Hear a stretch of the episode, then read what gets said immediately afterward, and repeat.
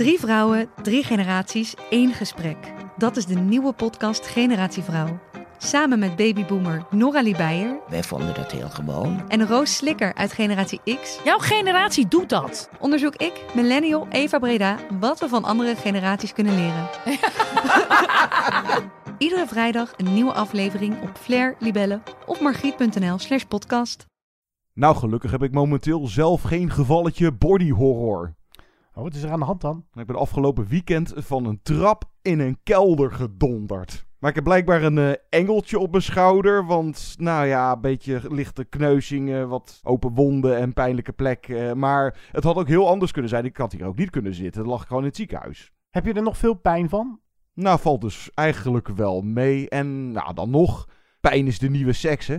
Hello, my name is Anders Thomas Jensen. I am the director of Riders of Justice, and you're listening to Movie Insiders.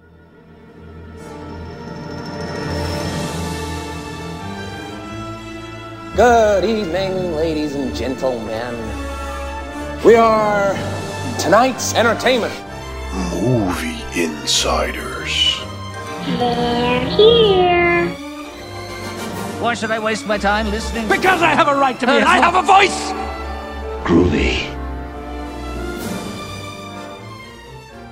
Hallo allemaal, leuk dat je luistert naar een nieuwe aflevering van de filmpodcast Movie Insiders. Die je kan beluisteren via alle welbekende platforms als Spotify en Apple. Mijn naam is John. En mijn naam is Guido. Je kan ons altijd een e-mail sturen. movieinsiderspodcast.gmail.com voor als je het met ons eens bent. Maar vooral als je het hardgrondig met ons oneens bent. Want dat vinden we leuk. We houden wel van een beetje een botsing her en der. Botsing, Crash, Crash, Cronenberg. Nou, wat een bruggetje zeg. Komt eh, zo spontaan in me op. We gaan de nieuwe David Cronenberg bespreken. En dat is er weer eentje hoor. Vol body horror. Al heeft hij zelf een gruwelijke hekel aan die term. Vertelde hij mezelf, want ik mocht de beste man spreken op het filmfestival van Cannes. Maar zijn nieuwe film dus, Crimes of the Future, met onder meer Viggo Mortensen en Lea Seydoux. En over Cannes gesproken, daar was ik, daar zal ik even kort op terugblikken. Zul je denken, ja dat kan filmfestival, dat weten we nu wel, dat is alweer een tijdje geleden. Maar al die films die ik daar zag, moeten allemaal nog uitkomen. Dus ik zal nou, even wat titels noemen van films waar je naar uit kan kijken. Teaser even één of twee eh, die we, waar we naar uit moeten kijken. Zeker, en dat zijn er veel. Oh ja, maar eh naar aanleiding van Crimes of the Future eh, moest er een keer van komen een top 5 van die lekkere, gore, ranzige make-up effecten. Ja, dat lijkt me een hele geschikte Body horror dus. Ja, eigenlijk wel. Nou ja, make-up effecten. Ik heb Je ook kan in ook de mijn... andere kant op, ja. Ja, in mijn lijstje staan niet alleen maar horror dingen.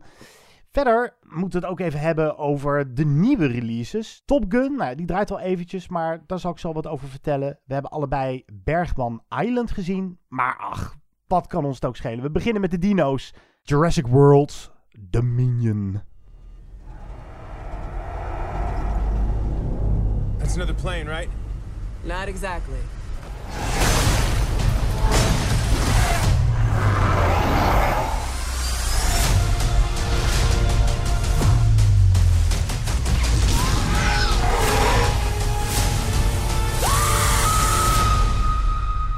Don't, don't move. Bigger. Why do they always have to go bigger?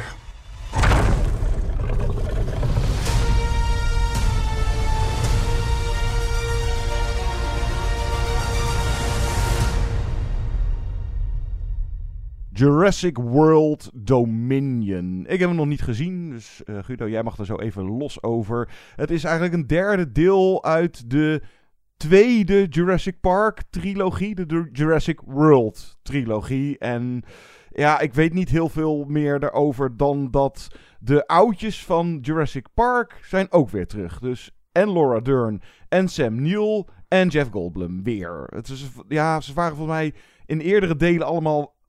Die was dan een keertje in die film en die een keer. Maar hier zijn ze, voor zover ik weet, allemaal weer van de partij. Dus Guido, druipt de nostalgie-porno er hier vanaf? Eh, nogal, inderdaad. Met Laura Dern, Jeff Goldblum en Sam Neill heb je dan ook wel direct het hoogtepunt van deze film te pakken. Daar kreeg ik de grootste kick van om hen weer te zien. En ik dacht bij mezelf, waarom ben ik zo blij om ze te zien? En ik denk dat de conclusie ook wel een beetje is, omdat ik niet zo'n fan ben van die twee nieuwe personages uit de Jurassic World trilogie. Die worden gespeeld door Bryce Dallas Howard en Chris Pratt. Nu is Chris Pratt altijd wel prima. Maar het zijn nou niet personages waar je echt onwijs van gaat houden. Zijn Sam Neill, Jeff Goldblum en Laura Dern dan wel? Nou ja, goed, die hebben in ieder geval nog voor het eerst die dino's meegemaakt. Je hebt samen met hen in de jaren negentig voor het eerst dino's zien rondlopen. En dat zorgt ook wel voor een lekker laagje nostalgie. Voor de rest moet deze film het hebben van het werkelijk een aaneenschakeling van actiescènes. Het is mensen worden bedreigd door een dinosaurus. Hoe gaan we ons daaruit redden? Rennen. Rennen. Op vluchten. Op naaldhakken had je inderdaad in de eerste Jurassic World. Nou, hier zit dan een scène in dat Chris Pratt op een motor twee agressieve Velociraptors van zich af moet schudden. Ergens in Malta of zo. Nou, dat is een scène die is zo weggelopen of weggeknipt uit Mission Impossible. Maar dat echt keer 10 of keer 15. En dan heb je dus de twee Jurassic World personages en de oudjes, de veteranen. En die komen dan aan het slot van de film samen in ja, een soort laboratorium waar snode plannen worden gekweekt. Een een of andere Dr. Evil die daar uh, onethische dingen wil doen met de dinosauriërs. Want dat is wel even goed om te weten. Het is dan het vervolg natuurlijk weer op Fallen Kingdom. En dat eindigde met dat de dino's vrij loslopen. Dus we moeten deze planeet voortaan delen met de diertjes uit het krijttijdperk, waarvan we al heel lang dachten dat we er vanaf uh, waren. En kunnen we goed samen gaan? Nou, nee. En gelukkig maar, want anders dan uh, ja, krijg je een soort dino-theekransje waar niemand op zit te wachten. Dus uh, een hoop ellende, maar het aardige dan is wel, de dino's zijn niet de echte bad guys. De mensheid is natuurlijk de echte bad guy. Dat was altijd al aan de orde. Is deze dan wel een verbetering ten opzichte van die vorige twee Jurassic Worlds?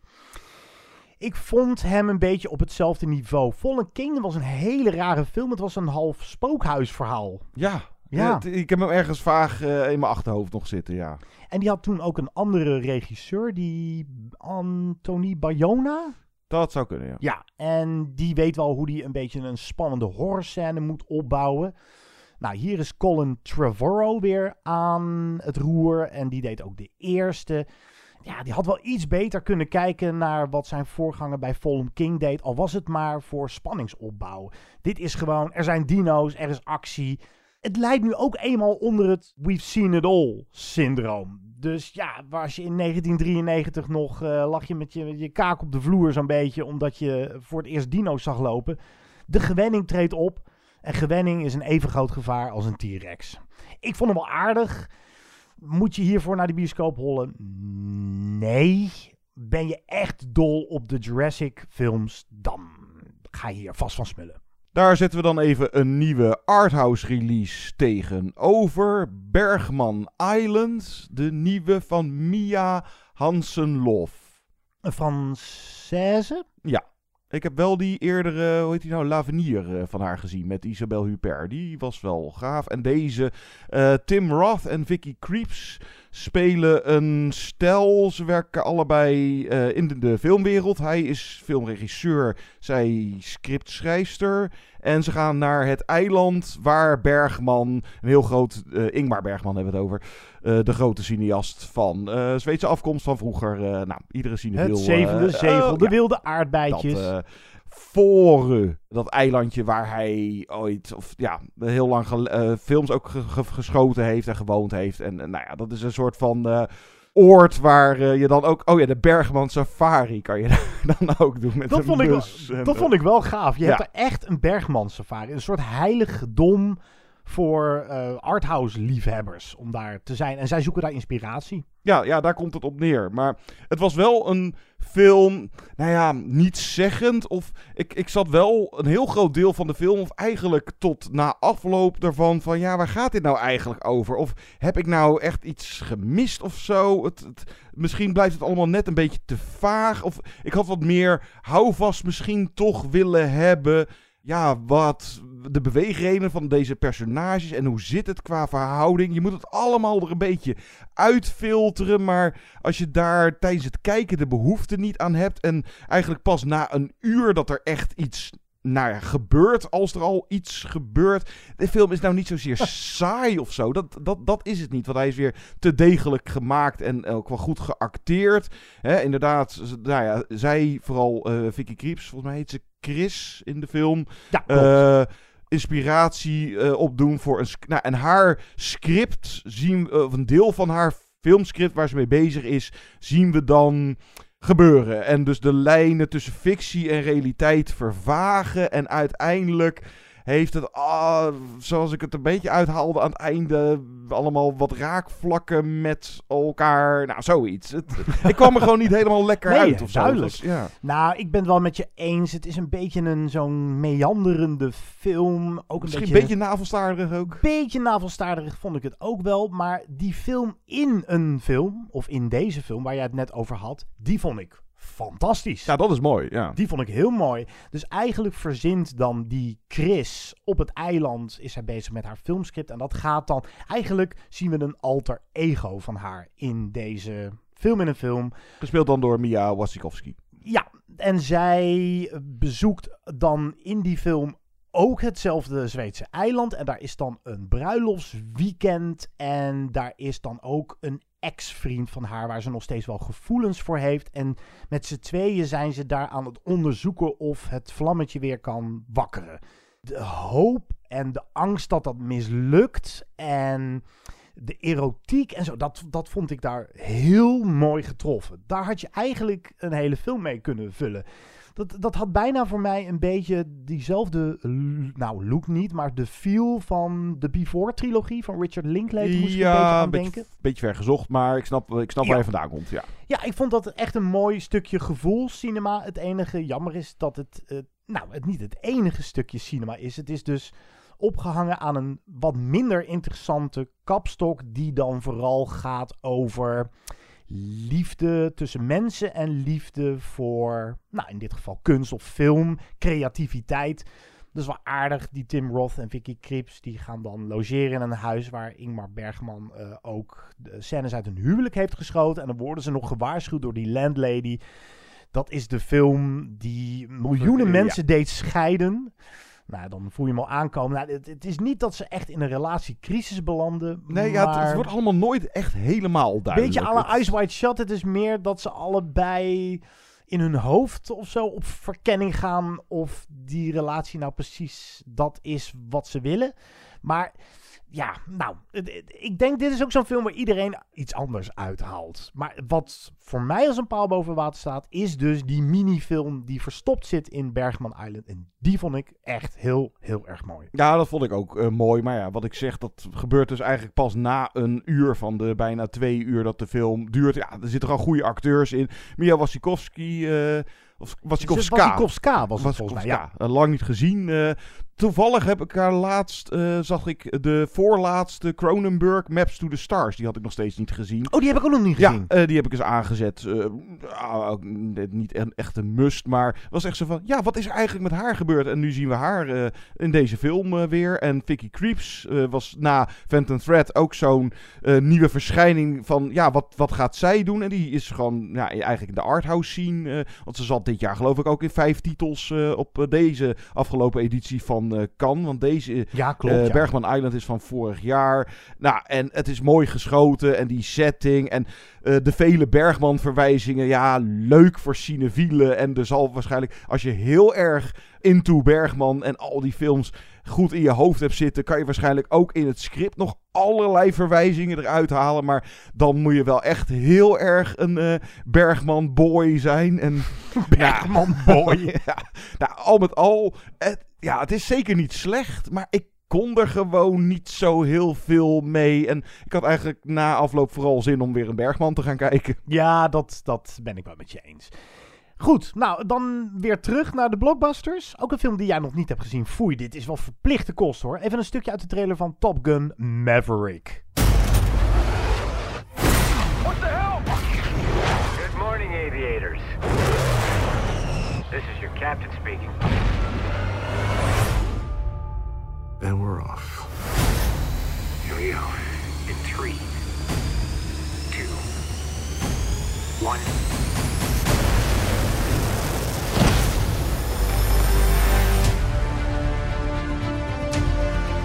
Combat on a level no living pilot's ever seen.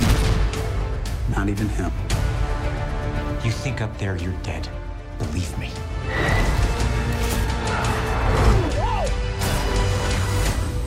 My dad believed in you. I'm not gonna make the same mistake. Ja, het is er niet van gekomen. Het stond wel in de planning om eh, Top Gun in de bioscoop te gaan kijken. Maar ik viel van een trap. Dus dat... eh, vandaar. Top Gun Maverick. Ik heb die oude ja, ooit wel gezien. En dat, ik heb hem niet eh, in aanloop naar... eh, maar ik ga dus ergens van de week eh, met vrienden wel even lekker in de IMAX. en dat schijnt wel de moeite te zijn. Moet ik die oude nog even... Nee. Het is geen must, maar het is wel leuk om te zien wat de tijdsgeest kan doen met een tussen aanhalingstekens klassieker. Want dit is, je moet niet vergeten, je kan La, La Duncan doen over Top Gun uit 1986. Maar heel veel mensen, dat merkte ik ook toen ik mijn recensie voor het AD online had eh, gepost en nogal tekeer ging tegen het origineel. Dat mensen echt eh, zeiden, hoe durf je?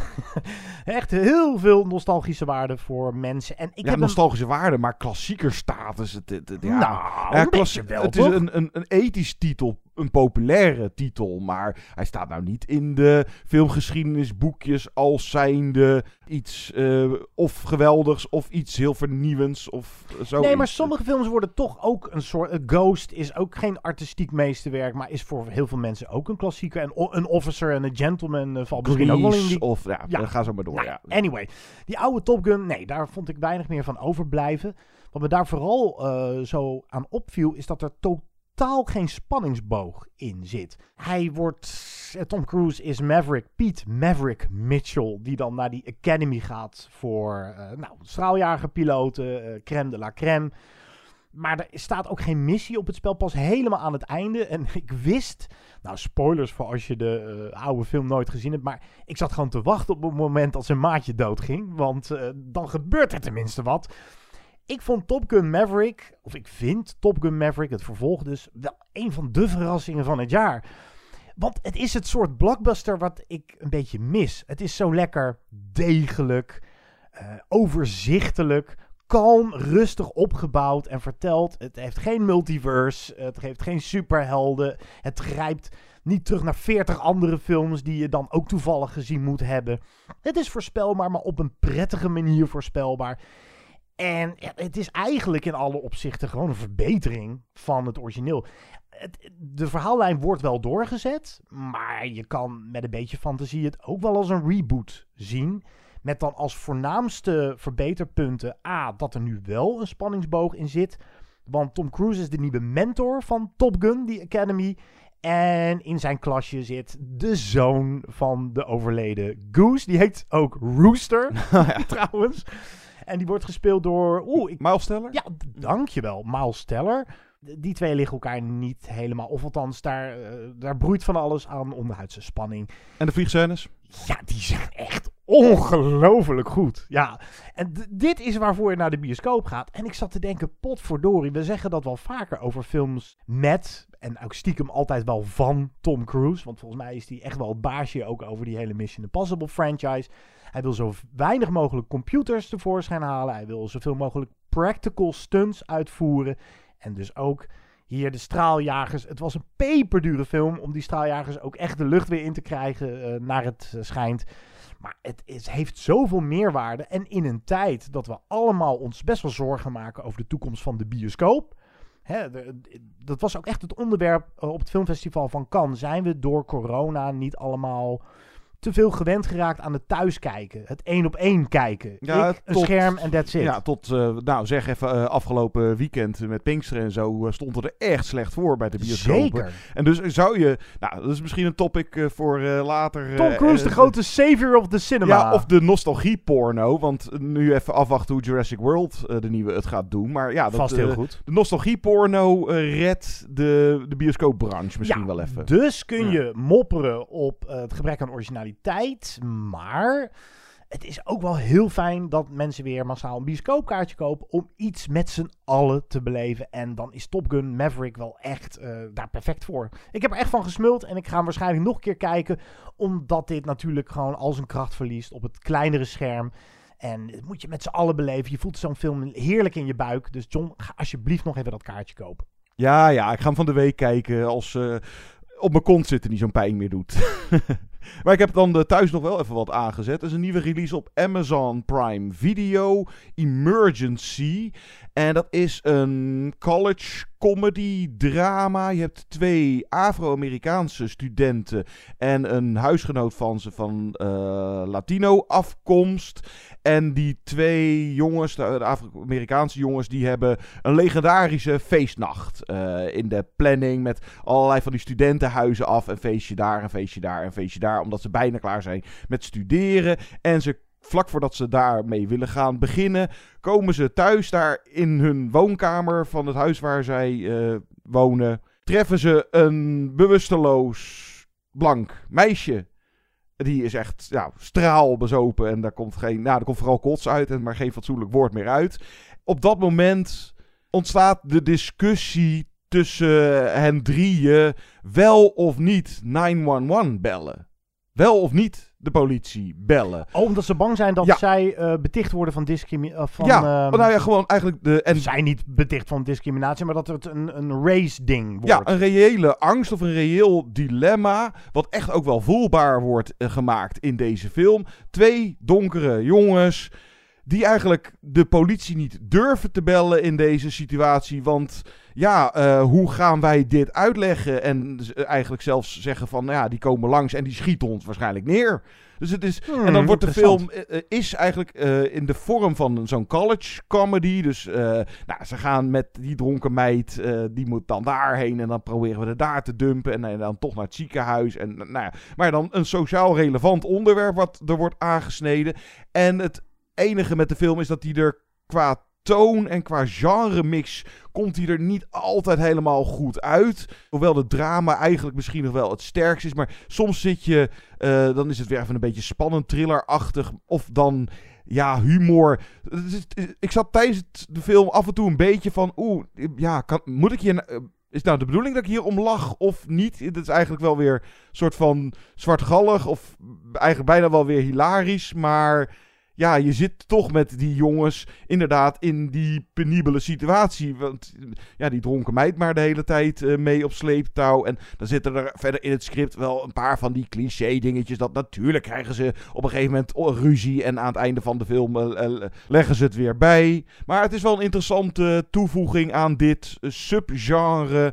Dat er echt wel een, zeker voor gekleurde jongens in Amerika, een relevant onderwerp wordt aangekaart. Ja, klinkt interessant. En Ja. ook geen bekende acteurs of zo, Nee. of een regisseur. Nee, het uh, allemaal vrij nieuw. uh. Nou, kijk, dat is dan weer aardig aan streaming dat je zomaar ineens uh, in zo'n film valt of hem gewoon eens aanzet. Goed, even op adem komen. Zullen we een stukje van de score doen van Top Gun Maverick? Van? Nou, hoe kan het ook anders? Onze Hansi Pansi Zimmer. Blijf luisteren.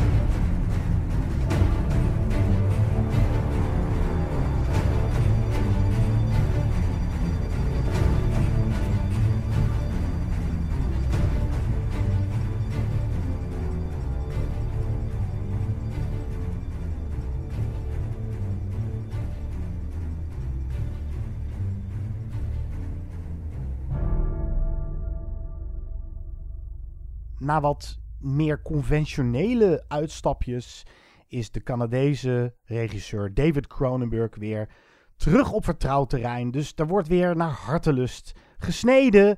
En uh, lichaamsdelen muteren. Er zijn open wonden. Daar mag ook best eens even aan worden gelikt. Hier is Crimes of the Future. I can feel you pulling things around in there. It's a brand new organ. Never before seen. We've all felt that the body was empty. Empty of meaning. And we've wanted to confirm that. So that we could fill it with meaning. The world is a much more dangerous place now that pain has all but disappeared.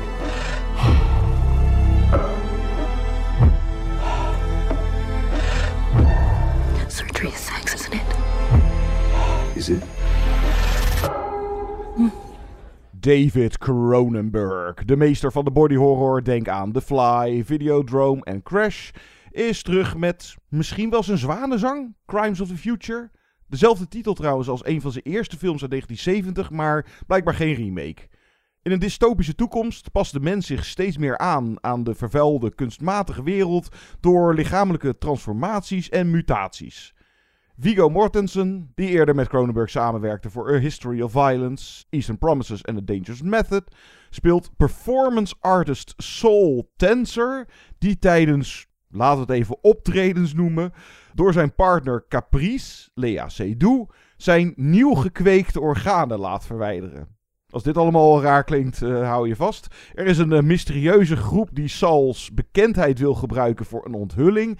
En overheidsinstanties als het Nationaal Orgaanregistratie met medewerkster Timlin, gespeeld door Kristen Stewart. Zij heeft aangegeven dat ze tijdens het filmen geen flauw idee had en de film eigenlijk pas snapte toen ze hem zag.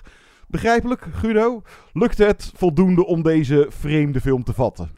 Nou, het scheelt wel als je meerdere David Cronenberg films hebt gezien. En ik zat er nog eens over na te denken. Eigenlijk zie je wel een interessante lijn in zijn body horror werk. Dus even niet meegenomen. Nou, titels die je eerder liet vallen als Eastern Promises en A History of Violence. Hij deed ook The Dead Zone bijvoorbeeld. Nou, dat valt er ook een beetje buiten.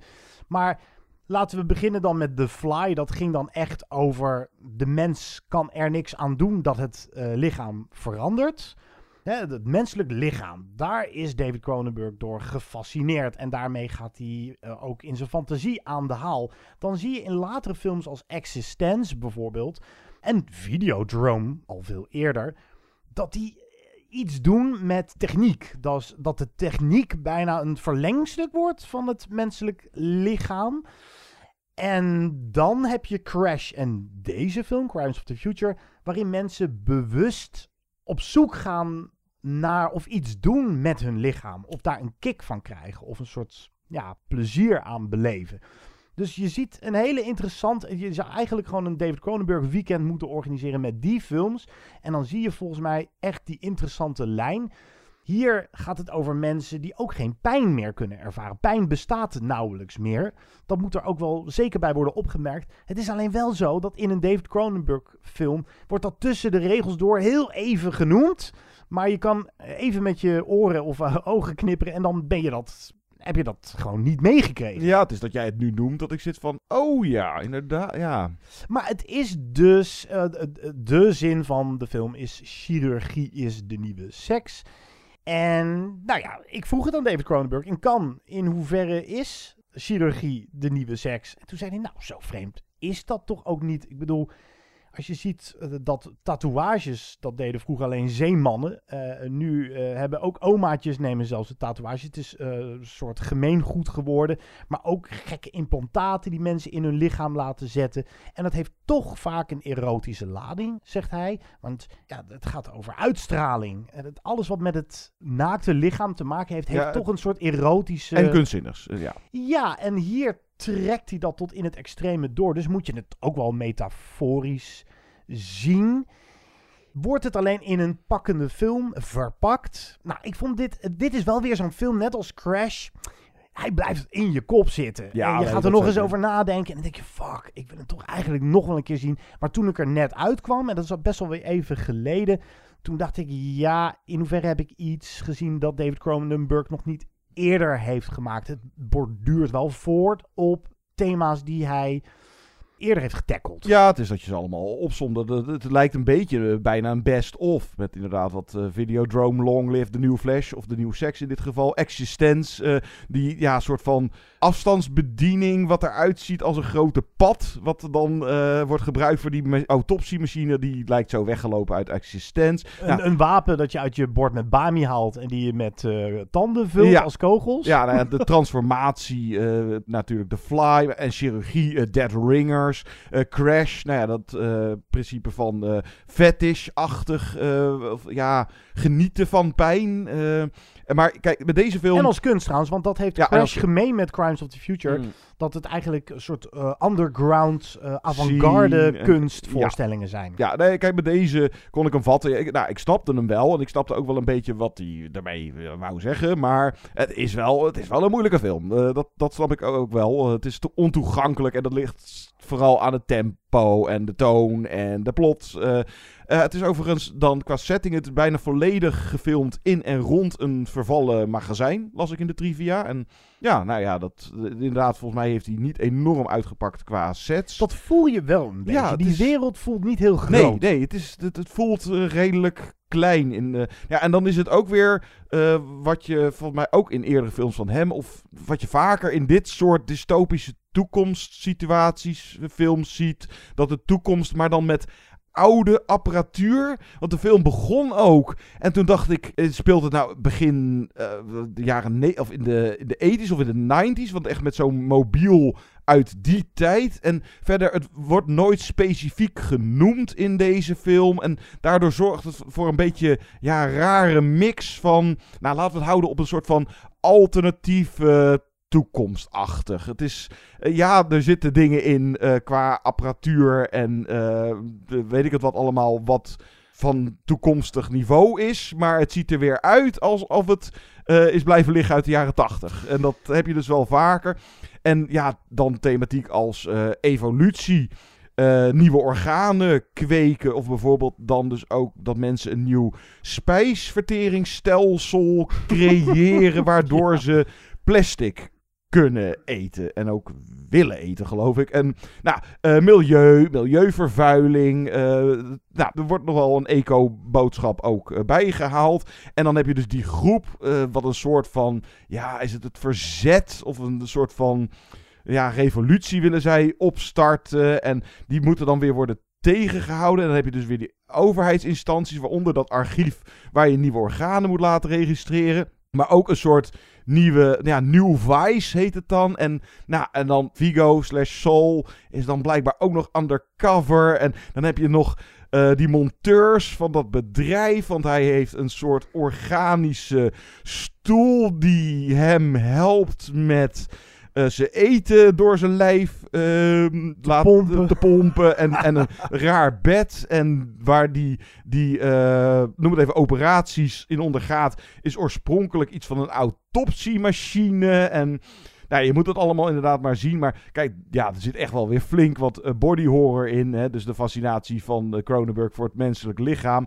En hier dan zowel de binnen- als de buitenkant. Hè? Dus het eh, mooi maken met allerlei, nou ja, eigenlijk verminkingen om dan het, als het kunstzinnige en plus dat seksuele en die chirurgische ingrepen en allemaal oren aan je lijf laten naaien en ook het gewoon het in je laten snijden, want blijkbaar iedereen mag opereren in die wereld. Nou ja, dat is nog wel eh, aardig. Kijk, het, grappige van Crimes of the Future is dat hij niet heel grappig is. Of je moet daar echt een beetje in een melige bui zijn, dan kun je er Nou, ook best wel om gniffelen. Inktzwarte humor. Ja, Zat een wel beetje. een- Het- het- maar dat dit is- op een gegeven moment... Oké, het wordt alleen genoemd. Het, het gebeurt da- niet daadwerkelijk in de film. Maar een innerlijke schoonheidswedstrijd. Ja, ja, jij, oh jij, mag, jij moet echt mee gaan doen voor beste nieuwe orgaan. En, het- ja. Dus er zit wel... En die Oscar voor Best New Organ goes to. Ja, dus dan Nou ja, denk ik ook van dat, dat kleine inktzwarte toontje. Misschien dat Cronenberg daar ook wel mee zegt van ja, je moet het ook weer allemaal niet te serieus nemen. Nou ja, maar- ja, dat is waar. Maar het heeft ook weer diezelfde klinische toon die die vooral in Crash ook hanteerde. En je wordt toch wel gedwongen het ook wel serieus te nemen wat er allemaal gebeurt. Het is niet een ja. soort maffe freakshow. En wat hij ook misschien wel wil zeggen is... als eh, onze Vigo Mortensen zo graag eh, zijn organen wil laten tatoeëren... en eruit laten snijden als een vorm van kunst... waarom zou dat niet mogen? Want dat is, ja, ze moeten dat dus in het geniep doen... Maar dan ben je dus blijkbaar niet de baas over je eigen lichaam. Dus je ziet iets chockerends. En David Cronenberg stelt jou vervolgens eigenlijk de vraag van... ja, maar is het wel chockerend als het je eigen lichaam betreft? Als het vrijwillig gebeurt? Het gaat over jezelf, je eigen lijf. Dus dat is wel interessant. En wat ik ook nog wel aardig vind... Dat is trouwens eh, in zo'n interview, dan zit je vaak met een groepje andere journalisten. En toen was er een andere journalist en die had David Cronenberg eerder gesproken via Zoom. En toen viel hem op dat toen, jaren geleden, David Cronenberg's alias op Zoom was Soul Tensor. En dat is heel interessant. Dus hij vroeg aan, eh, aan Cronenberg van joh, is dat eh, toeval? Zat die naam al eh, meer in je hoofd? Nou, al met al, of puntje bij paaltje, zou je dus kunnen zeggen dat David Cronenberg zichzelf ook een beetje ziet als Soul Tensor. En dat je misschien een beetje moet lijden voor de kunst. Dus dat is ook nog een aardige eh, metafoor die je eruit zou kunnen halen. Ja, je kan er een hoop uithalen. Maar dat dit een eh, rare en eh, ongemakkelijke film is. Ook eh, de voordracht van de acteurs en hun spel. En ik denk dat dat ook allemaal heel bewust natuurlijk gedaan is. En het is, ja, het is gewoon afstandelijk. Je, je kan er heel moeilijk echt in meegaan. Ook door dat trage tempo. Dus ik Er denk... zit er wel goede chemie tussen Viggo Mortensen en Lea Seydoux. Je hebt wel... Ja. Zij zijn echt een geloofwaardig koppel. Ook een geloofwaardig liefdeskoppel. Ja, plus dat, eh, nou ja, dat soort body horror, ja, nou zeker ook in dit geval, je moet er wel echt tegen kunnen. Want eh, het gaat er hier eh, redelijk ver aan toe. En dat dit iets nog steeds ja, unieks is en fascinerend. dat gewoon zijn, nou ja, hij is eigenlijk weer terug bij ze. Wat hij zelf dus liever niet hoort, zijn body horror. Want de afgelopen twintig jaar waren het iets meer misdaadachtige. Die films met Vigo waren, nou, Eastern Promises, History of Violence. De laatste keer dat we zoiets van hem zagen, dan moet je dus terug naar Existence. En dat was eind jaren negentig. Ja, dit heeft wel... Het heeft mooie, eh, tussen aanhalingstekens, mooie make-up en de sets. eh, hij is wel strak gemaakt en geacteerd. Maar het was ook wel, eh, zeker, ja, het meest vergelijkbaar denk ik met Crash. Wel inderdaad een film dat je zat van... Oeh, jeetje, wat moet ik... Och, het, ja, het fascineert je, het intrigeert je, maar je, je, je zit ook wel echt zo van... Wat moet ik hier nou mee of zo? Dat hoor ik je veel zeggen. Dat had je Ja. met Bergman Island en nu Ja, ook met hier, deze. hier was ik wel echt... eh, nee, dit, dit fascineerde me ook echt wel, zeg maar. Bergman Island wist, wist ik echt gewoon niet zo heel erg goed wat ik daar nou überhaupt mee moest. En hier heb ik wel het idee wat ik ermee moet. Het is alleen... Het is gewoon pittige kost. Het is, het, Ja. Ik moet even een tijdje eh, meegaan en misschien over zoveel jaar nog eens een keertje aanzetten. En dan... eh, Ja, en dan gaat je waardering toch weer stijgen. Dat gebeurde ook bij Crash. Want die hebben wij besproken niet zo heel lang geleden. ja, een re-release. eh, ja. ja. zoiets. eh. En toen dachten we ook ineens van, nou ja, of het nou meesterwerk is, dat gaat wat ver. Maar hij was een tijd vooruit. En wauw, wat provocerend. En dat hebben we toen iets te makkelijk afgeschreven als, eh, als een curiosum. En dat geldt ook een beetje voor Crimes of the Future. Sorry voor de woordspeling, het gaat onder je huid zitten. Do you mind if I ask you something intimate? Hi. Oh, go ahead.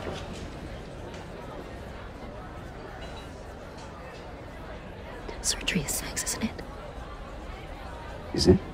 You know it is. Surgery is the new sex. Does it have to be new sex? Yes. Yes, it's time. When I was watching Caprice cut into you, I wanted. Yeah. I wanted you to be cutting into me. That's what I knew. de top 5 make-up effecten. Naar aanleiding van Crimes of the Future. Heb ik het mis als ik zeg dat eh, de make-up effecten weer een beetje terug in de mode zijn? Want Dat is de grote discussie en altijd het grote duel in filmland. Digitaal versus ambacht, dus uh, handenarbeid. Heel veel dingen kunnen tegenwoordig ook met de computer gemaakt worden, maar er is ook wel veel gemopper op. En terecht. Want je blijft het zien dat het met de computer is gemaakt. En ja, je ziet het ook als er make-up aan te pas komt. Maar dan is het in ieder geval tastbaarder. Daar kun je je makkelijker overheen zetten dan als je ineens een, een, een, een deepfake shot ziet. Maar is dat weer terug in de mode? Ja, ik, ik denk dat het ambachtelijke, dat, dat dus grotendeels weer teruggekomen is. Misschien door al het commentaar wat erop was van ja, dan grijp je wel heel makkelijk uh, voor je bloedfestijn uh, naar de computer en digitale trucages. Wat er inderdaad dan. Het is wel op een punt gekomen dat het nou, het is niet meer zo erg als, uh, zeg bij wijze van uh, 15, 20 jaar geleden. Toen was het eigenlijk gewoon, dat doe het dan gewoon inderdaad met ketchup. En, uh, maar ja, het, het lijkt weer een beetje of dat ze nu een goede combi hebben gevonden. Trouwens, even make-up effecten. Dus dan hebben we het hier niet over rouge en eyeliner. En dus ja, echt van die make-up die, uh, nou ja, weet ik veel. Roep even een afgerukte arm en al het, uh, nou, hoe dat er dan uitziet. Dat zijn make-up effecten. Ja, ik heb het denk ik net iets breder in Ja, en wat, en wat breder genomen. Maar, uh, waar, ja, daar komen we wel uit. Zo'n zo zo hangkin eronder of uh, dat soort... Uh, Beste hangkin. Ja, dus bij nummer 5. ja, special make-up effects. dus ja, dat is dan een combi van. Dus dan heb je en digitale trucage. Ja, en, en, misschien dat ze tegenwoordig inderdaad daar weer meer. Dus ze proberen het een beetje beide. Naar een van de grote namen überhaupt in deze branche uh, was Stan Winston. En die is zeg maar, denk ik wel, de man echt van de speciale make-up effecten. Hij won vier Oscars. Hij deed ook veel met animatronics. Nou, de dino's van Jurassic Park, die zijn van hem. Uh, en hij heeft met Spielberg ook uh, AI bijvoorbeeld gedaan. Hey, robots.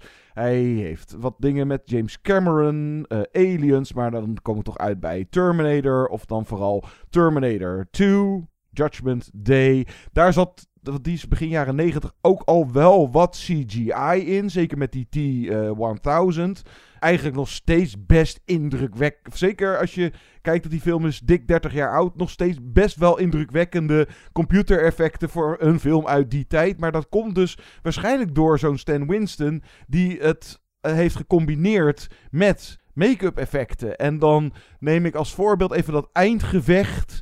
Uh, daar in die staalfabriek.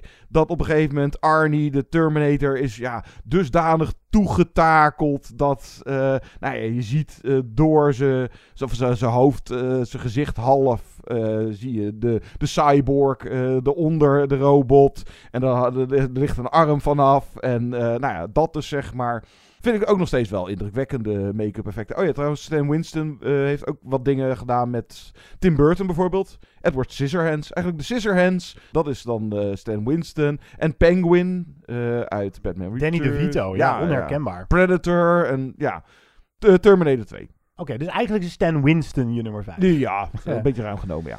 Grappig trouwens, de combinatie tussen ouderwetse make-up effecten, ouderwets, dus aanhalingstekens, als het misschien weer een beetje terugkeert, en digitale effecten, ga je ook mooi zien in Man van Alex Garland, de film die we volgende week waarschijnlijk gaan bespreken in de podcast. Um, ja, en het is wel interessant wat je zegt hoor. Waarom zijn de digitale effecten van uit het prille begin, dus die Abyss en nou, Terminator 2, maar ik moet ook denken aan inderdaad Jurassic Park en zo. Waarom zijn die beter of hebben die meer uh, overlevingswaarde dan heel veel huidige digitale effecten? Nou, volgens mij omdat ze het uh, zo minimaal mogelijk nog deden. Omdat, ze waren super voorzichtig ja, misschien. omdat ze inderdaad zelf ook donders goed door hadden van als we nu te veel... Uh, wat ze in de jaren tachtig kwam het een beetje op. En toen ja, zag je echt zo van, ja, dat ziet er gewoon niet uit. Uh, die digitale effecten uit de computer. En toen hebben ze volgens mij begin jaren negentig, dus inderdaad een beetje rond deze tijd met Jurassic Park en zo van... Ja, het moet af en toe, want het kan niet anders, maar we doen het zo minimaal dat het in ieder geval niet storend opvalt. Ja, Inderdaad. Nou, ehm, en dan moet er ook bij worden opgemerkt dat ze te makkelijk naar de computer grijpen. Zeker in de laatste tijd. En dat levert echt soms schokkende resultaten op. Eh, we zeiden het eigenlijk nog in die podcast eh, vrij recent over Doctor Strange in the Multiverse of Madness. Die dan begint met zo'n slordig digitaal ogende actiescène. We schrokken er allebei gewoon van. Maar daar zit ook wel weer een paar practical effects en eh, make-up en zo later in de film. Zie je ook weer een combi. Ik ga ook voor mijn nummer 5 naar het horror segment dan vooral eigenlijk met de practical make-up effects. En dan ga ik voor The Fly van David Cronenberg. Omdat ik Cronenberg ook associeer met speciale make-up effecten. Crimes of the Future, maar ik kan ook Videodrome noemen. Maar The Fly, dat was... Het is nog steeds een van de meest smerige films ooit gemaakt. En het begint dan met dat we Jeff Goldblum langzamerhand nou, zien veranderen in een vlieg. Hij eh, kan zichzelf teleporteren van het ene hokje naar het andere hokje. In het andere hokje zit een vlieg. Het is een heel doodsimpel eh, concept. Het begint met het verliezen van een tand. En dan gaat zijn huid schilveren. En dat is echt zo knap gedaan. En dat het misschien, nogmaals, niet helemaal realistisch oogt of een beetje too much is, is niet erg. Want het heeft wel dat eeuw-effect. Wanneer heb je nou bij een digitaal effect dat je datzelfde onderbuikgevoel hebt? Van, ah, gadver. Nog nooit. Kijk, qua horror heb nee. ik dat echt nog nooit gehad. Maar dus ook eh, de Videodrome kan je noemen. Wat dacht je van The Thing? Met eh, special make-up effecten van Rob Bottin, heet hij. Nou, dat, dat is ook echt grandioos. En dat is voor mij horror. Op, daarom ben ik ook verliefd geworden op het horrorgenre. Omdat ik ook zo ontzagwekkend eh, eh, naar die effecten zat te kijken. Het komt weer een beetje terug. Long live the old Flash. Voor mijn nummer 4 ga ik dan voor die andere grote naam, Rick Baker. En inderdaad, niet alleen maar horror, fantasy en sci-fi, waar je heel veel make-up effecten. Maar dus ook, eh, nou ja, hoe heet dit? Prosthetic, eh, prothetische make-up. Dus bijvoorbeeld ook, eh, nou, Eddie Murphy, de Nutty Professor. eh, volgens mij won hij daar ook een Oscar voor. Zeker. En eh, The Grinch, Jim Carrey. Hij heeft zeven Oscars gewonnen, Rick Baker. En hij won ook de allereerste Oscar make-up voor Ah Will. An American Werewolf in Londen uit 1981. Maar weet je, ik ga dan toch voor Men in Black uit eh, 1997. Oh ja. Omdat ik me nog zo goed kan herinneren dat... eh, nou, ik heb nooit een probleem met Titanic gehad. Maar ik vond het toen zo fijn dat door de winst van Men in Black voor beste make-up... eh, misschien daardoor... Maar dat Titanic niet 12 Oscars won, maar ook 11. Zoals Ben Hur er ook ooit 11 had. En nu eh, dan later Return of the King er ook 11. Dus het zijn drie grootste Oscar-winnaars alle tijden. Maar eigenlijk, ja, het was zo van Titanic won er niet 12 doordat die make-up weer een keer naar Rick Baker ging. Maar zo terecht. Want eh, nou ja, het een aantal van die aliens, maar vooral dan die Edgar suit. Eh, Vincent D'Onofrio, eh, ja, een, een alien die, die pelt zijn huid eraf en trekt dat aan. En dan krijg je een Edgar suit. En het zit ook, het zit nooit helemaal goed. Maar op een gegeven moment begint dat e- echt een beetje weg te rotten. Dat gaat niet helemaal. Het ziet er fantastisch uit. En ook Man in Black, eh, want ik zag hem laatst eens een keertje terug, eh, is zo van, ja, er zit wel wat CGI in, maar ook echt alleen maar CGI op de momenten dat, het niet anders nodig kan. Ja, Als het ja, echt nodig is. Eh, een aantal van die rare aliens, dat, nou, dat moest nou eenmaal. Of als je, nou ja, dat ze met die auto en, en dat soort dingen, dat, dat, dat snap ik. Maar volgens mij het overgrote deel van de rare creaturen die je in Men in Black ziet rondlopen, zijn make-up effecten. Mijn nummer 4, ik ga dan wel voor ehm, de blosjes op de wangen, maar dan eh, 2.0 of in het extreme. Ik ga voor de Citizen Kane van deze eeuw. Mad Max Fury Road. Heb ik dat zojuist de Citizen Kane van deze eeuw genoemd? Oh man, wat ik krijg gewoon kippenvel als ik er weer aan denk. Oh, wat is dat toch een fantastische film. En de make-up effecten daar zijn, nou, uiteraard moet je gelijk denken aan hoe al die halfnaakte lichamen getatoeëerd zijn. Dat is alleen al een feest om naar te kijken. Met ook tumoren en dat soort... eh, Juist, eh, hoe heet daar de bad guy ook weer? Eh Emotion... Immortan Joe. Immortan Joe. Zo, die ziet er ook bizar uit. En waarom dat ook zo'n feest is, volgens mij is alles practical in Mad Max. Bijna alles. De, eh, de arm van Furiosa, die is natuurlijk... ja, dat, dat moest digitale trucage. Kon niet ja, anders. vooruit. Maar nou, over alleen doen waar het echt niet anders kan gesproken, dan kom je uit bij Mad Max Fury Road. Er komt een vervolg. Ja, Ja. Furiosa en het, het- Tom Holkenborg gaat weer de score doen. Eh, dat hebben we George Miller kunnen vragen in het filmfestival van Cannes, want daar was hij met zijn nieuwe merkwaardige film.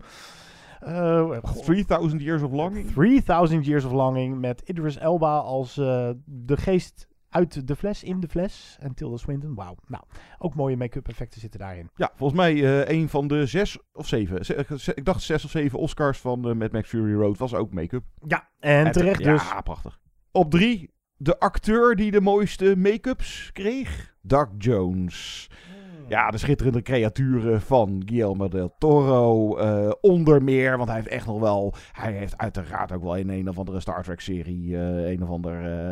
het, eh, ik weet allemaal niet hoe die figuren heten. Maar nou, Guillermo del Toro. Dus hij is eh, Amphibian Man in Shape of Water. Eh, in Crimson Peak speelt hij ook een of ander wow. En dan natuurlijk de Faun en Pill Man in Labyrinto del Fauno. Pan's Labyrinth. Maar dan ga ik toch voor Hellboy 2, The Golden Army. Oh ja. Uit 2008. En daar speelde hij wederom Ape Sapien, die die ook al in het eerste deel was. En dan heel kort ook nog een Chamberlain en dan die Angel of Death. Nou, maar sowieso ben ik dan eh, in dit geval voor Hellboy 2 gegaan. Omdat, nou ja, daar zit fantastische... Ik, zeker nog tien andere gaven. Die elfen ook. Maar als ze daar in die, Die soort van- markt. ja, die markt. Die underground markt. En wat daar allemaal voor... Maar die Angel of Death. En dat is echt prachtige, mooie make-up effecten. Hellboy 2. Ik heb ook zo'n zwak voor die twee Hellboy films van eh, nou, Gu- Guillermo del Toro. is een eh, held. Ik ga voor mijn nummer drie naar het ouder maken.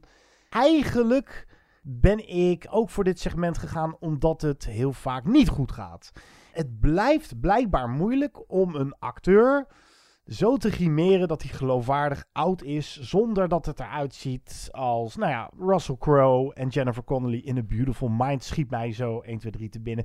En dan is het opmerkelijk dat... Plakt er een, een kalkoennekje Ja. van klei onder en je bent soort van klaar. Maar je ziet, dat heeft heel, heel vaak met die ogen te maken. Je Mhm. ziet de jonge ogen nog achter de make-up zitten. Dat is al Ja. een probleem.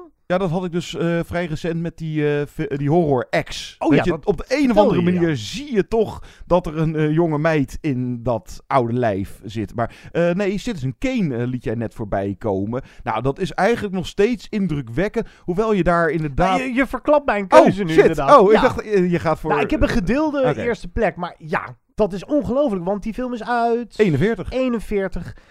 En Orson Welles was echt nog jong. Die was volgens mij 27. Dat is echt ongelooflijk. En die is me een partij geloofwaardig oud gemaakt. Wat wel scheelt, is dat die man vrij fors is. Dus dan ook je al sneller iets ouder. Dus een snorretje erbij. Maar het, het is gewoon heel subtiel, goed gedaan.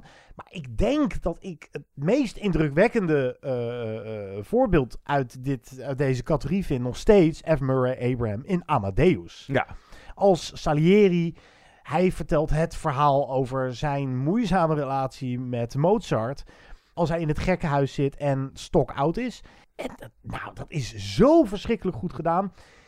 Dat je nog steeds moeite hebt met te geloven dat het. Murray Abraham is. En dan zie je de, eh, eh, de acteur zonder make-up natuurlijk in de vele flashbacks voorbij komen. Maar het is zo vreselijk goed gedaan.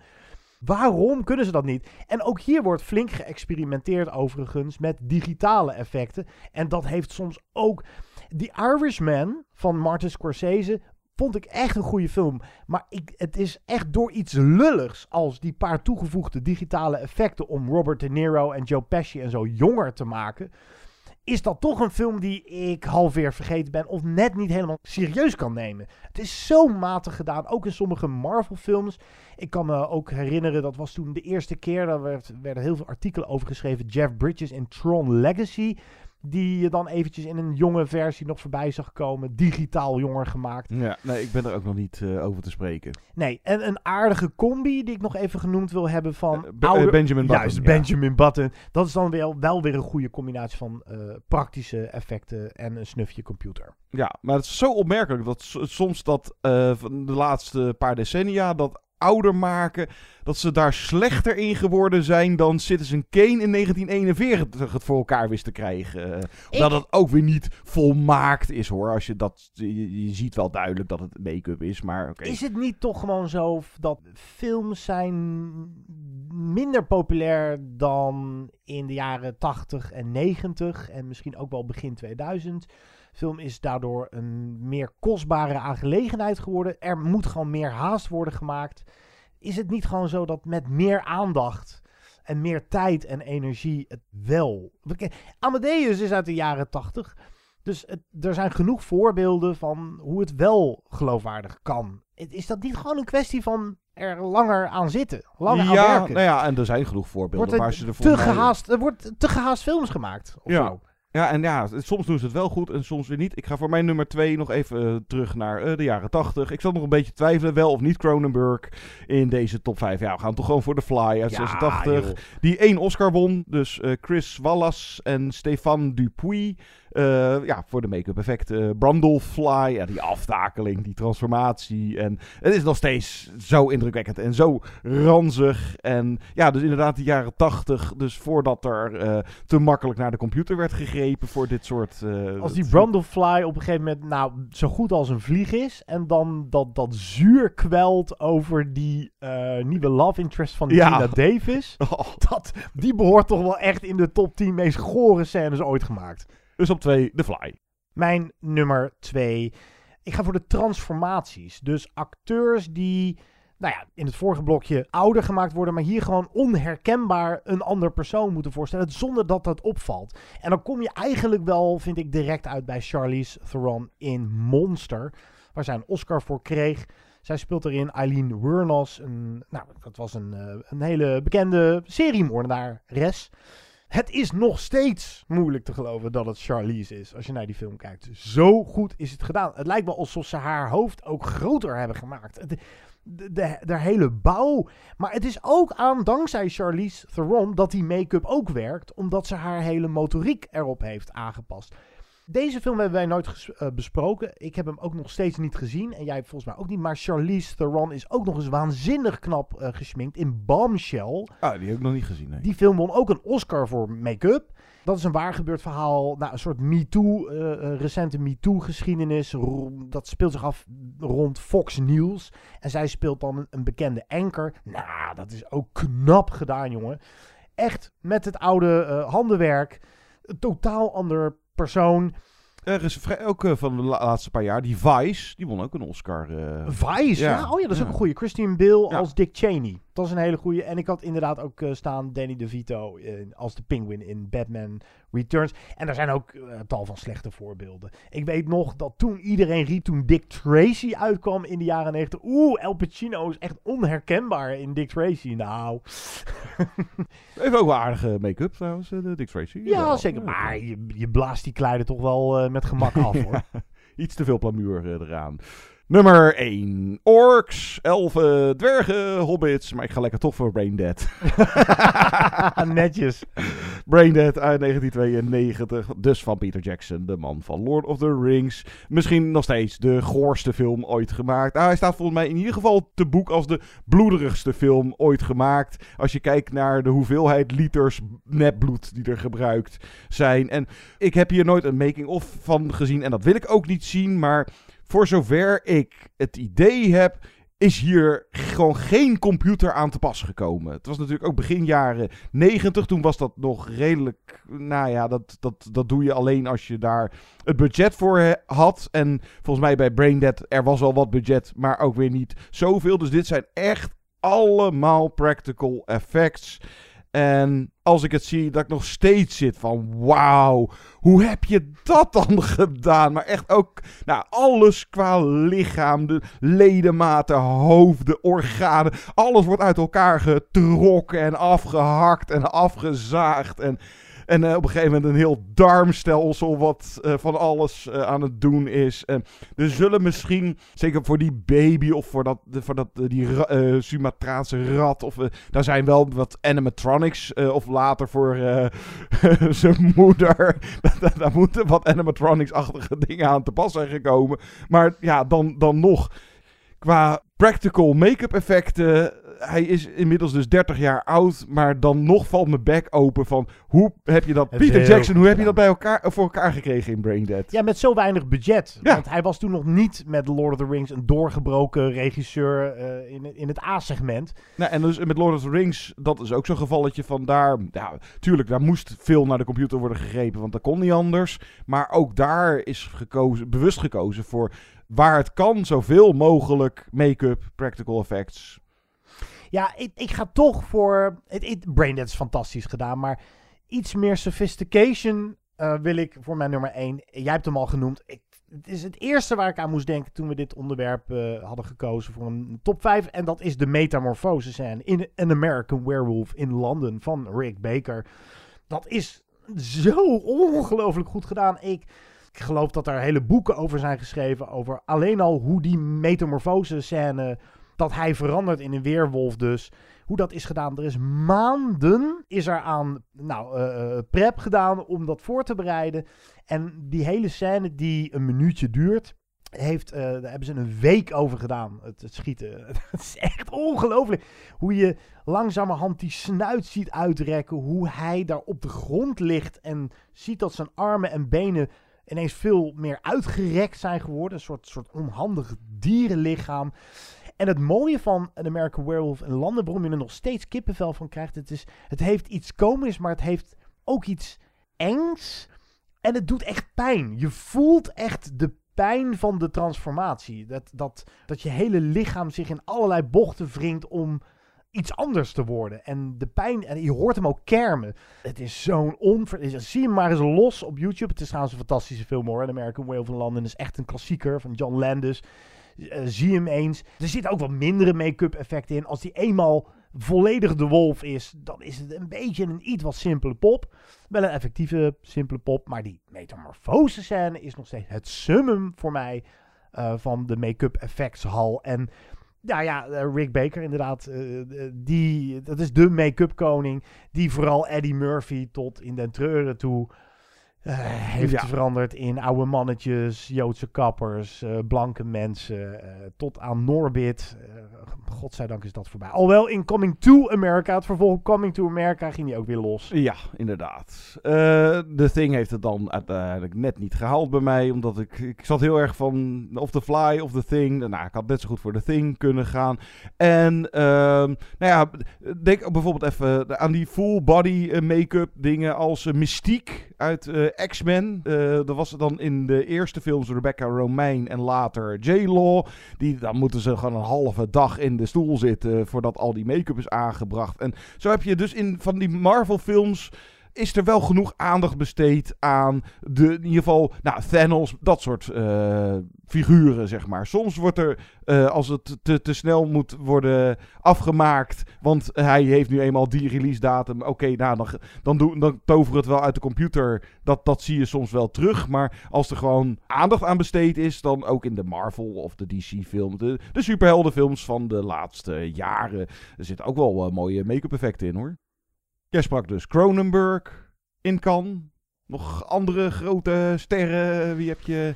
Wie Tom, heb, je, heb, je, Tom Cruise? Uh? Nee, nee, Tom ja, Cruise dat, niet. Dat, dat, dat, had je zo graag gewild. Ik zie het nu al. Oh, ja, bijna een traantje. Dat je was... als Tom Cruise fanboy. Je had echt even aan hem willen likken volgens ja, mij. oh man, oh man. Tom Cruise. Ik weet, dat is mijn man crush. Ja. Altijd al geweest. Tom Cruise gaf überhaupt geen interviews. Hij was er wel, maar. Hij was er wel. Hij gaf één interview, maar dat was dan met een moderator. Die kon je dan, uh, of de, de, dat evenement kon je dan bezoeken. Nou, het was heel moeilijk om daar kaarten voor te krijgen. Dat is me niet gelukt. Maar het moet echt een waardeloos gesprek zijn geweest. Dat is natuurlijk helemaal van tevoren gescreend. Welke vragen wel en niet mogen worden gesteld. En je wil het uh, het liefst natuurlijk met die man gewoon hebben over de Scientology kerk. En uh, hoe het nou zit met zijn, zijn dochter Suri en weet ik veel wat.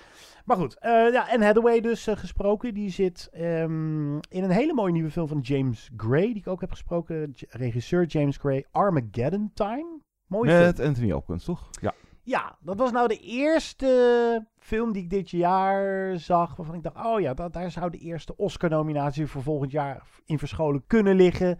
Anthony Hopkins voor Best Supporting Actor in Armageddon Time. Ja, maar over het algemeen, dit, eh, deze editie van Cannes, het was niet heel geweldig, geloof ik. Het was allemaal een beetje net boven de middenmaat. Het, het heel veel, heel Ja. veel grote eh, namen, eh, grote makers die met een nieuw werk kwamen. Maar het viel allemaal een beetje tegen, was mijn algemene indruk. Ja, nou ja, ik was wel positiever dan sommige mensen waren over veel films. Weet je wat het is? Ik zag geen vijf sterren films. Ik zag wel veel vier sterren films. Nou, dat is ook heel prima. Er is altijd wel wat aan te merken op. Eh, ook veel films. Ik heb een aantal films gezien die nog onder embargo liggen, waar je dan nog je bek over moet houden. Waaronder de nieuwe film van Adil en Bilal, die echt zijn, die zijn aan het doorbreken. Die hadden Bad Boys for Life eh, gemaakt, maar die zijn ook met Marvel bezig en Bad Girl. Maar ze hebben ook een Vlaamse film gemaakt over ja, een paar jongens uit het Belgische Molenbeek die radicaliseren en zich bij IS aansla- aansluiten in Syrië. Mag ik nog niks over zeggen, maar... Rebel heet hij toch? Rebel, Ja. ja, ja, goed dat je de titel nog even noemt. Ja. Rebel, eh, nou, dat is de moeite waard. Een leuke film om dan eh, tegen die tijd te bespreken. Veel vier sterren films dan. Ik heb er een stuk of twintig gezien in het circus dat kan heet. Het is altijd maf, hè. Je hebt daar inderdaad Tom Cruise op de rode loper. Tom Hanks, Julia Roberts, eh, Viola Davis. Echt alle grote namen willen daar ook gezien worden, want dat heeft prestige en klasse. En kan is best groot, maar dan is het een mensenmassa waar je... Nou, af en toe haal je de film bijna niet, omdat je, je moet wurmen tussen alle pottenkijkers die een glimp hopen op te vangen van eh, Tom Cruise. Wat heel moeilijk is, want die man die is nog net geen 40 centimeter, geloof ik. Zo klein is die. maar goed, ehm tegenstrijder is dus de glitter en glamour. En dat het eigenlijk gewoon een arthouse festival is. Dus qua films is het... Nou, veel van die films dat je denkt, ja, dit is hem gewoon net niet, maar wel goed. Zoals de nieuwe van de gebroeders Dardenne, Tori en Elokita. Ja. Wauw, ja, dat is wel echt, komt hard aan. Goede film, een van de beste films die ze in jaren hebben gemaakt. Maar nou, duidelijk ook zo'n gevalletje, want iedereen heeft het daar direct over. Als je eruit loopt, zou dit hem dan kunnen zijn, de Gouden Palm. Nou, in mijn top 3 van de beste films die ik zag, zit wel de Gouden Palmwinnaar, Triangle of Sadness. Die is van Ruben Östlund. Die vrij recent al een gouden palm won. Wat is het? Vijf jaar geleden voor The Square? Ja, en deze voelde ik niet aankomen dat hij hem weer zou winnen. Ik ben er blij mee. Maar de meningen zijn er ook behoorlijk over verdeeld. Maar dat was volgens mij met Square ook al. Ja. Voor de mensen die die film gezien hebben, dan snap je, dat waren überhaupt de meningen over verdeeld. Nou, wat wel leuk is, ik moest heel erg terugdenken aan onze recensie van The Square die wij voor Movie Insiders deden samen met Nico van den Berg. Die toen heel kritisch was op die film omdat het te makkelijk eh, de moderne kunstwereld zou uitlachen. Nou, dat is precies ook de kritiek die Triangle of Sadness krijgt. Het gaat over een influencer en een topmodel. En die komen op een gegeven moment. Nou, die kibbelen over allerlei van die white privilege dingen. Waar je vooral heel hard om moet lachen. Ze belanden op een gegeven moment op een cruise ship. Waar Woody Harrelson de eh, constant straalbezopen kapitein speelt. En wat daar gebeurt aan boord. Ik zal het allemaal niet verklappen. Maar het is duidelijk het uitlachen van de rijke, veel te rijke 1%. En dat kun je makkelijk noemen. En gemeen. En sardonisch. Maar ook, eh, ook lekker. Het- ik vond dit echt ook een lekkere film. Echt vilijn. En vooral in de slotakte. Die, het duurt allemaal wat lang. Al gaan de geruchten. Dat is wel aardig. Je ziet zo'n film echt dan als eerste ter wereld. Vaak in aanwezigheid van de, de makers. Nou, dat is een nog, la- eh, nog langer zelfs eh, versie in de bios. dacht Ja, ik. of nou, daar- maar er gaan ook nog steeds geruchten dat ze een theatrical cut eh, willen maken die 20 minuten korter is. Ah, oké. Maar goed, over de derde acte wil ik eigenlijk niks zeggen, want dat is een spoiler. Maar dat ik heb hier echt ik heb heel hard moeten lachen. En ik moest ook vaak aan jou denken, want dit is zo'n film die right up your alley. Dit, dit ja, vind jij lekker. oh, ik, eh, ik voel de zwarte humor nu al. Ja, jij gaat hier denk ik echt wel van smullen. Dus die staat in mijn top 3. Dan ga ik voor de nieuwe film van Park Chan-wook, Decision to Leave. Ja, daar weet ik in ieder geval van dat eh, zowel Triangle Sadness en eh, deze, Decision to Leave, die krijgen in ieder geval dit jaar hier nog bioscoopreleases. Zeker. En Park Chan-wook, even voor, voor alle duidelijkheid, Old Boy is zijn bekendste film. En de Koreaans. Handmaiden. Ja, eh de Handmaiden was ook top. Nou, dat niveau heeft het net niet.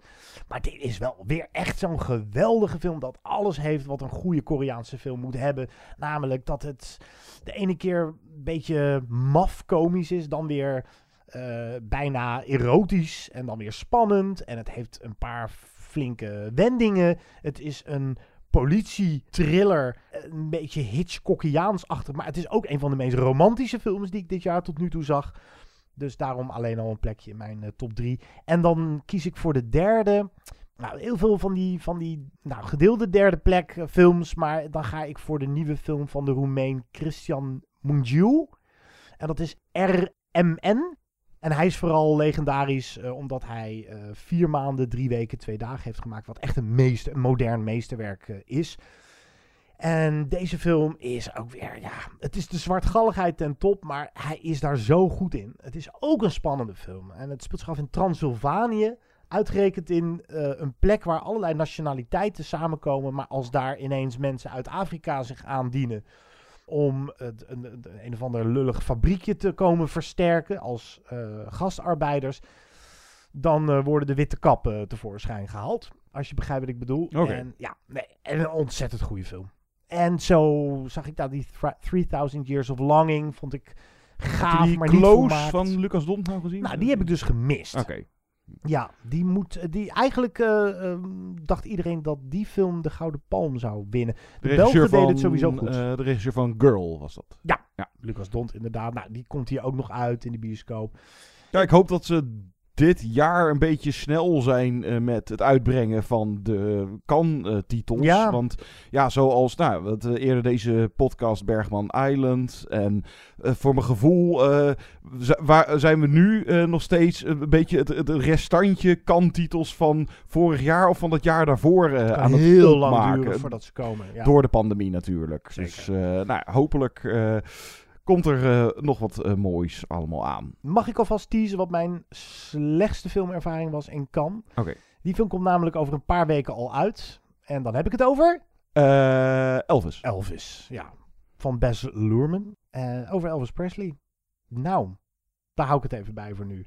Hij zal vast de revue passeren in deze podcast. Oh ja. Een deze weken. Ik ga nog even op vakantie. Dus misschien dat jij die met Jasper doet. Deze podcast zit er voor nu op. De eerstvolgende podcast doen we in ieder geval To Infinity and Beyond. De nieuwe Pixar Lightyear. Over Buzz Lightyear. Die we allemaal kennen uit Toy Story natuurlijk. Die, eh, en dit gaat... Het, ja, ik heb er niet eens een trailer. Het, volgens mij, dit gaat over wat Buzz Lightyear... eh, heeft, meer heeft heeft gedaan voordat hij bij Andy in zijn in in kamer terecht kwam. Het, eh, nou, of zo, we het maar een beetje interpreteren, geloof ik. Ik ben heel erg benieuwd wat ze daarvan hebben gebakken. Ik ga er een beetje met eh, wat argwaan heen. Oh jee. Hmm. En eh Men van Alex Garland. Ja, die film die eh, noemde ik net al even. Een elevated horror. Dat is echt zo'n zo'n modekreet nu. Horror met een metaforisch laagje. Tot die tijd, laat van je horen op, nou, bijvoorbeeld Twitter, waar we te vinden zijn. At Movie Insight. We zijn ook op Facebook actief. Nou, we moeten maar eens wat actiever worden, geloof ik, op die social media. Maar goed, dat eh, staat nog in de planning. Instagram kan je ons vinden. Een reactie op onze site, ja, movieinsiders.nl. Of stuur eens voor feedback een e-mailtje naar movieinsiderspodcast.gmail.com. Laat van je horen, misschien nemen we het mee in de volgende show. Met welke muziek gaan we eruit? Eh, ja, Hellboy 2, Golden Army. nou, zijn we die man echt een paar podcasts in het zonnetje aan het zetten? Dat is Danny Elfman weer. Daar heb je hem weer hoor. ja, maar hij is wel een lekkere score. Tot de volgende keer. Tot snel.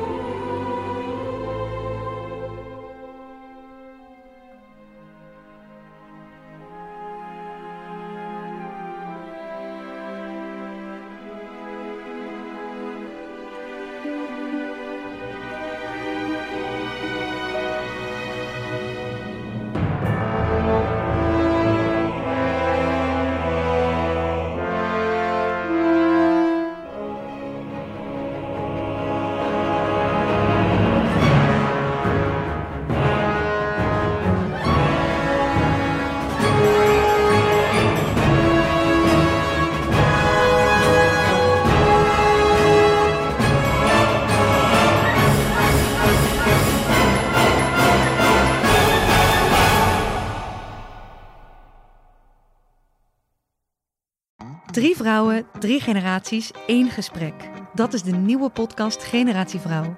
Samen met babyboomer Noralie Beijer Wij vonden dat heel gewoon. en Roos Slikker uit Generatie X Jouw generatie doet dat. onderzoek ik, millennial Eva Breda, wat we van andere generaties kunnen leren. Iedere vrijdag een nieuwe aflevering op Flair, Libelle of margriet.nl slash podcast.